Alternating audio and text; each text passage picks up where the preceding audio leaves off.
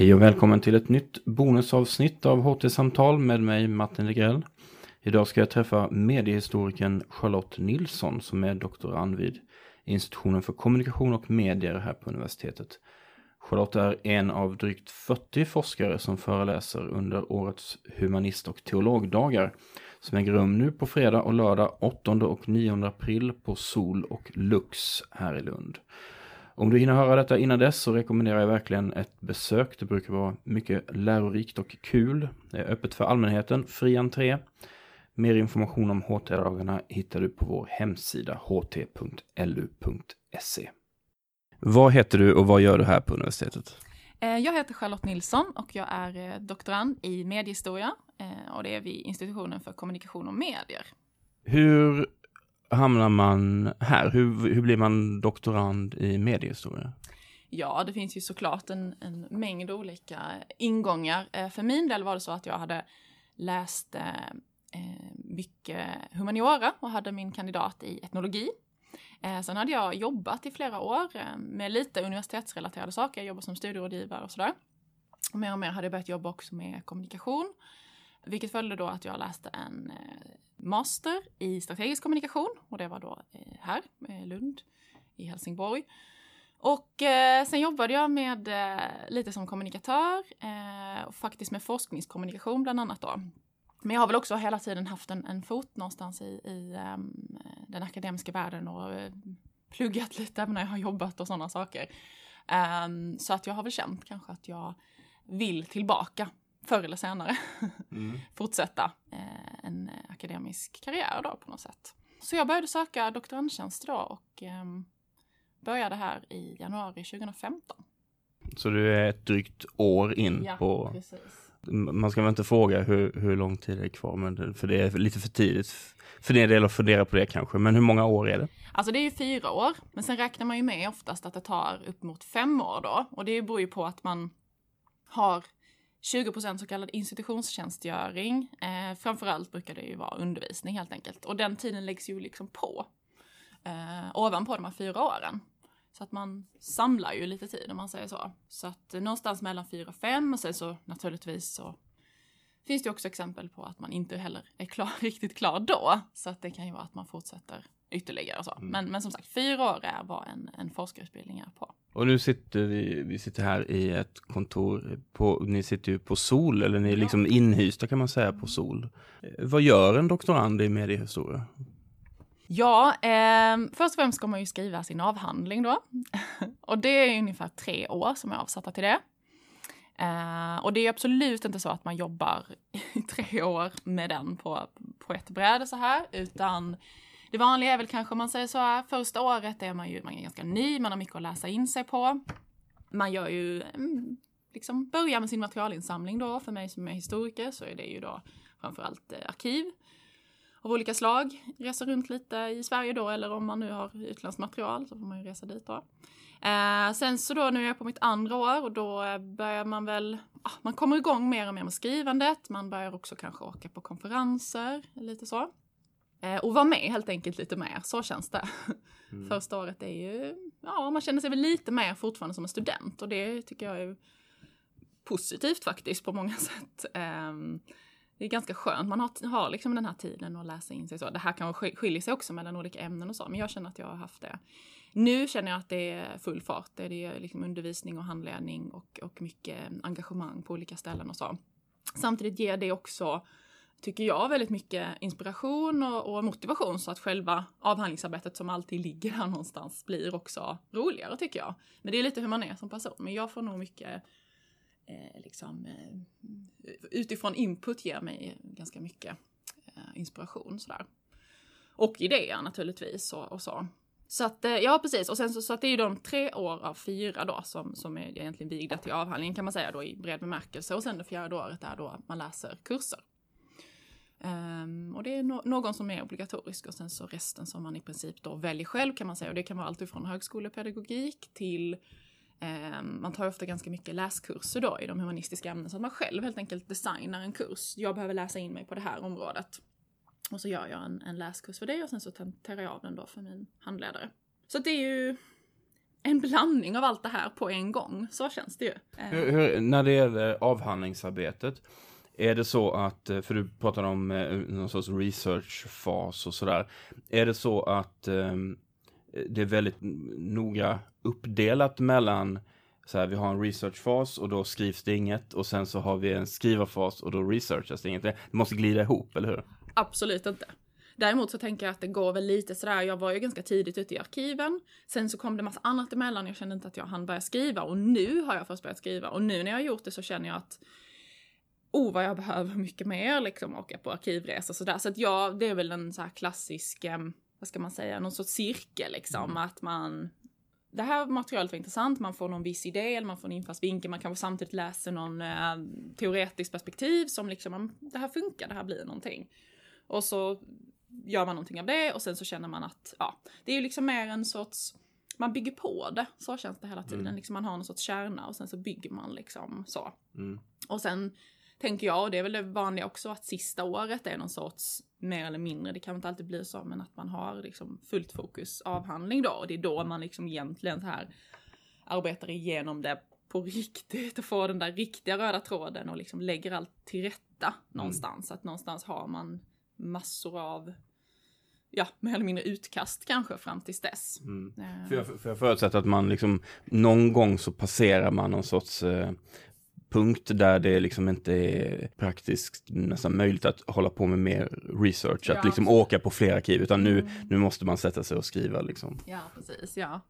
Jo, det är det ju. Man talar ibland om att eh, man är, alltså att det finns en mättnad helt enkelt i materialet och det är väl också att man känner att man kommer ingen, man får inte fram någonting nytt som är liksom väsentligt mer intressant eller som bidrar med någonting nytt så, utan jag menar det är klart att ett avhandlingsämne kan ju växa hur mycket som helst, även om man ofta väljer ett så smalt som möjligt och man jobbar mycket med avgränsningar och sånt, så är det ju också att när man väl kommer in i någonting så blir det ju väldigt intressant oftast. Och det här djupet ger ju ett väldigt intressant ämne oftast.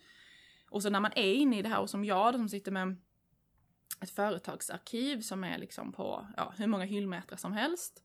Eh, det, och det är bara ett av mina material, men, men jag kan ju liksom jag sitter med helt andra saker också som jag får liksom påminna mig själv, men gud det här var verkligen inte vad jag skulle skriva om och så. Å andra sidan så tänker jag att no, i början så ska man nog vara så pass öppen. Mm. För det är mm. också det, dels är det roligare och sen så är det också det som gör att man kan, får man gå till arkiven så här, okej okay, jag ska ta reda på, eller vad man nu har för material, jag ska ta reda på detta och bara detta. Så blir ju också lite, man ska ju också låta materialet, låta verkligheten liksom ta en någonstans.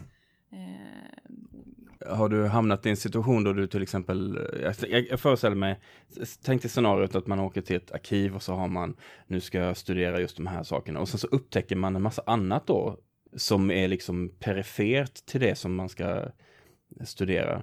Har, man, har du någonsin slagits av sådär, åh, det här borde jag ju egentligen ha studerat? Eller får man bara slå det ur hågen eller göra någon sån här mental note, ja, jag får skriva någonting om det mm. senare. Mm. Ja, det är väl lite så. Någonstans är det hur, hur roligt man än tycker att ens valda avhandlingsämne är, så är det ju också så, jag menar, det vet man ju från andra jobb och när man pluggade och sådär, att man tänkte gud, det här vill jag verkligen läsa, så börjar man läsa det och då då blev det ett måste och då var det inte fullt så lustfyllt liksom. Så är det ju någonstans och, då, och sånt stöter man ju på hela tiden. Men det är väl det som finns i den här eh, processen, att det alltid finns möjligheten att eh, man kan skriva en liten artikel om någonting och man kan, ja, om man nu liksom fortsätter inom den här världen att gå vidare till postdoc och sånt och då är det bara så, jag har ju liksom en, en lista som jag fyller på lite med sådana här ja. intressanta idéer typ så. Mm. Och det är ju sånt jag stöter på. Den är ju, ser ju jättespretig ut, men den är ju också en liten så här intressant för en själv. Liksom man lär känna sig själv. Vad är det mm. jag trillar över som jag tycker är intressant? Liksom? Och vilka vägar vill jag ta sen kanske och så. Men det är ju ett sätt att liksom eh, ändå placera de där eh, spännande sakerna man upptäcker under resans gång någonstans. Om vi nu säger att du har, eh, du har lite undervisning, du har handledning, du har forskning. Finns det en typisk arbetsdag för dig och hur ser den i så fall ut? Det finns väl inte en, en jättetypisk arbetsdag så, alltså de, de skiljer sig ju jättemycket och särskilt när man man reser ju ganska mycket eh, i perioder också och så. Men eh, visst, någonstans så finns det ju, man, man, eh, man försöker gå upp på morgonen och börja jobba liksom vid nio snåret sådär. Jag är ju själv så att jag är, mm, går till kontoret ibland, men jag tycker också om att sitta på bibliotek och jobba. Eh, ibland ute på något café sådär, sitta och läsa lite. Alltså jag behöver skapa min egen lilla sfär sådär, eller min egen bubbla ibland. Det beror helt på vad man ska göra för typ av jobb den dagen. Jag har nog alltid en plan i huvudet inför en dag. Ja, just det, jag har det där och så har jag undervisning på eftermiddagen. Okej, okay, men då ska jag hinna läsa den artikeln och hinna skriva det lilla konferensbidraget eller vad det kan vara. Så jag har alltid en, en plan så, som eh, ofta håller tycker jag, eh, än så länge. Så att det är väl, men jag tycker att den här flexibiliteten som finns i, i det här jobbet är otroligt bra. Men, men är man en väldigt människa som, som tycker om rutiner väldigt mycket så har man ju all möjlighet då. Man kan vara här liksom åtta och sitta här till klockan fem och, och gå och äta lunch liksom i lunchrummet och så. Men man kan också, som jag då, som kan vilja börja någon morgon med att sitta ute på ett café och ta en, en kaffe och läsa lite i en bok och sen går man till kontoret lite och sen så kanske man eh, är på UB på eftermiddagen och tittar mm. på något material eller vad det kan vara. Alltså den flexibiliteten har jag inte haft mycket jobb och sådär tidigare men jag har liksom inte upplevt den. Det finns ju inte riktigt, den är ganska unik. Mm. Och kanske också ganska unik alltså, som eh, under en akademisk karriär just som doktorand. För en senare liksom i, i eh, eh när man är ja, på stock eller när man sen fortsätter så finns det oftast ännu mer saker som liksom ligger på en som man kanske är lite mer styrd av. Mm. Så den friheten tycker jag om, om man trivs med den, att man kan jobba lite var och när man vill och sådär, att man ska passa på liksom. Och dessutom ehm, kan man ju, jag har precis varit en månad i ehm, Italien nu då som eh, gästdoktorand. Och mer eller mindre suttit och skrivit väldigt mycket där, hade visst utbyte med min ehm, med den institutionen då, historiska institutionen i Bologna. Men framförallt så var det ju också en möjlighet för mig att under fyra veckor sitta då på ett fantastiskt vackert bibliotek i Bologna och vara helt fokuserad på mitt skrivande. Och den mm. möjligheten har jag ju inte så ofta här eh, kanske, för att det är mycket annat sådär. Så, mm. så om man kan liksom komma, komma loss och sådär kanske man får göra relativt tidigt i sin doktorandutbildning också. Eh, då tycker jag man ska ta sådana möjligheter. För det är ju fantastiskt. Liksom. Ja, det låter ju jättehärligt. Mm. Rent allmänt, vad, vad, skulle du säga, nu är du liksom ett, ett år in här på din eh, doktorandtjänst. Mm. Vad är bäst respektive sämst med att jobba inom akademin, tycker du? Du pratade om de här friheterna, mm. att liksom styra lite grann över sin dag och sådär. Men vad, vad skulle du säga är liksom toppen, botten? Nej men toppen handlar väl, alltså förutom då det här jag sa att man känner sig väldigt, alltså, eller det har väl med det att göra, den här liksom självständigheten. Det är ju ett otroligt självständigt jobb. Och för mig passar det perfekt. Uh, jag tycker det uh, kan vara utmanande i jobb där man hela tiden måste stämma av med liksom andra människor vad man, vad man gör och så. Eh, och hur man ska framskrida och man jobbar i ja, projekt på andra typer av arbetsplatser. Ehm, men jag äger mitt ämne här och jag bestämmer liksom hur jag ska göra det och när jag ska göra det och så vidare. Så den självständigheten är ju absolut den bästa. Sen samtidigt så finns det ju en väldigt kollegial dimension också i att jobba på universitetet. Det är ju ständiga seminarier och man lägger fram sina texter och diskuterar dem och eh, det är väldigt viktigt liksom att, eh, att ha den här ehm, det här utbytet också av varandra. Ehm, så det är absolut inte så att man är, sitter liksom helt själv och ingen vet vad man gör och jag sitter i ett hörn och någon annan sitter i ett, ett annat hörn, utan tvärtom känner jag att det är en väldig, um, vi vet ungefär vad, vad vi gör och man diskuterar ämnena tillsammans och sådär. Samtidigt som just att jag, jag äger mitt, det är liksom ingen som kan komma och säga nej du måste göra så här. Mm. Samtidigt, ja det är väl inte botten kanske, men, men det skulle kunna att man någon gång ibland känner sig lite ensam av samma anledning då, om man liksom vänder på myntet så. Mm. Um, så uh, det är klart att det är liksom ingen jag kan, uh, ja vad ska jag säga, komma och klaga till så eller, alltså jag, jag har ju mitt, om, om jag framskrider så är det tack vare mig, om jag inte gör det så är det på grund av mm. mig också. Mm. Man skulle kunna få den känslan att ja, om jag inte gör någonting idag så är det ingen som märker det. Den tanken kan ju slå en liksom. Jag menar, om jag inte gör något nästa dag heller och nästa dag heller så märks det mm. såklart. Och inte minst jag själv märker det. Men, men det är ju den eh, också då jämförelse med andra jobb där det är mer liksom, ja, du ska komma hit och så ska du göra de här grejerna liksom, och det har du att göra på en dag. Så märks det ju, jag menar, då måste man ju det. Men, så det är återigen, ja, men det är väl då den här frihetens eh, dubbla Precis. på något sätt. Ja.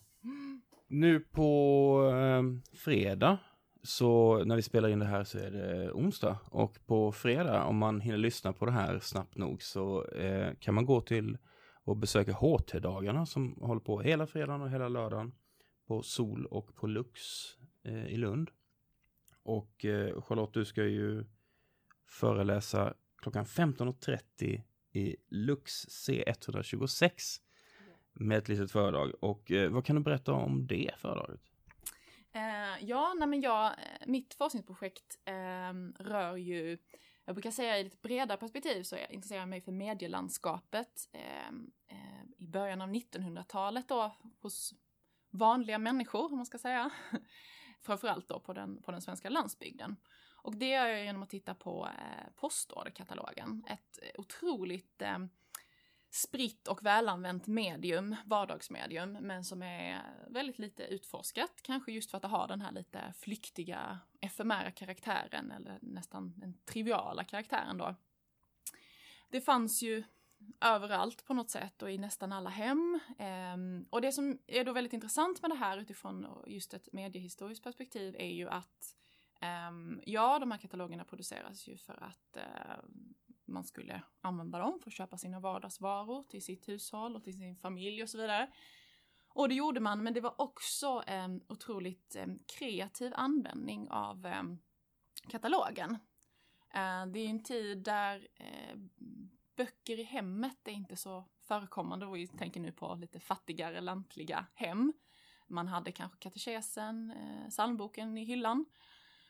Eh, bilder var väldigt eh, inte förekommande alls eh, i ett vardagsliv. Och eh, den här katalogen får en sån roll som då man använder den för allt möjligt. Man bläddrar i den, man läser den nästan, nästan som litteratur skulle jag säga, innan de här 25-öresböckerna och så kommer sen några år in på 1900-talet. Eh, barn som inte har tillgång till så mycket leksaker gör eh, klippdockor och leker med de här och framförallt bilderna ger ju en väldigt mm, eh, en ingång till en, till en värld som är väldigt, eh, väldigt ovanlig och väldigt ny för många människor. Så att det är väl någonstans där jag är intresserad av det här hur vardagslivet samspelar med då nya medier. Hur vardagslivet ger någon sorts de sociala och, och, kulturella sammanhang som, som finns eller som inte finns kanske. Påverkar också hur vi mottar nya medier och hur vi, hur vi integrerar dem i vardagslivet. Vad vi behöver, vad vi inte behöver. Det är ju ständigt eh, nya medier kommer hela tiden. Eh, och har alltid kommit. Alla gamla medier har en gång varit nya. Och eh, många medier har, har kommit och gått och vi har inte ens märkt det. Eh, eller så har de varit jättepopulära en viss tid i historien och sen så har de liksom försvunnit på, från kartan och vi har glömt bort dem och sådär. För att de fyllde inte någon funktion i vardagslivet. Det är därför man blir väldigt, man kan inte bara titta på ett medium som för vad det är, teknologin eller så, utan det är liksom ja, vardagslivet eller den, de sociala sammanhangen som är egentligen avgörande för hur det integreras och vad det blir av ett, ett medium.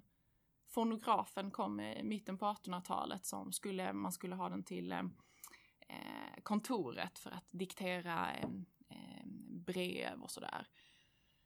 Men det blev en, alltså grammofonens föregångare helt enkelt. Det blev en, en, apparat för att spela musik. Av massa olika anledningar. Till exempel var det en ekonomisk depression just då i, i USA då när Edison kom med sin fonograf. Eh, under svåra tider så ökar ju också behovet för eh, förströelse eller nöje och sådär. Mm. Och då fick eh, fonografen den här tillsammans med naturligtvis eh, olika kommersiella intressen och sånt, så fick den sin roll. Så att media hittar sin roll i, i samhället på, på, ehm, i en väldigt, på ett väldigt intressant sätt och som är väldigt sällan självklart innan, som man inte kan riktigt förstå innan, utan man måste följa det liksom. Um, Och mitt speciella då intresseområden är då postorderkatalogerna eh, just för att det ger mig en ingång till att förstå hur människor, alltså den, ska säga, den mediala vardagen för människor då eh, i början av 1900-talet. Eh, så det ska jag prata om på fredag och jag ska väl prata just den här spänningen då mellan liksom det, det gamla och det nya. Mm. Och vad ett nytt medium kan göra med, med det gamla. Det låter mycket spännande. Jag är övertygad om att det kommer att bli en, en uh, stor publik till denna, detta föredrag. Som alltså sker på fredag 15.30 C126 på Lux om man hör det här i tid. Vill säga. Mer om HT-dagarna kan man läsa på ht.lu.se. Och Charlotte, tack så hemskt mycket för att jag tack fick tid att prata med dig idag. Tack.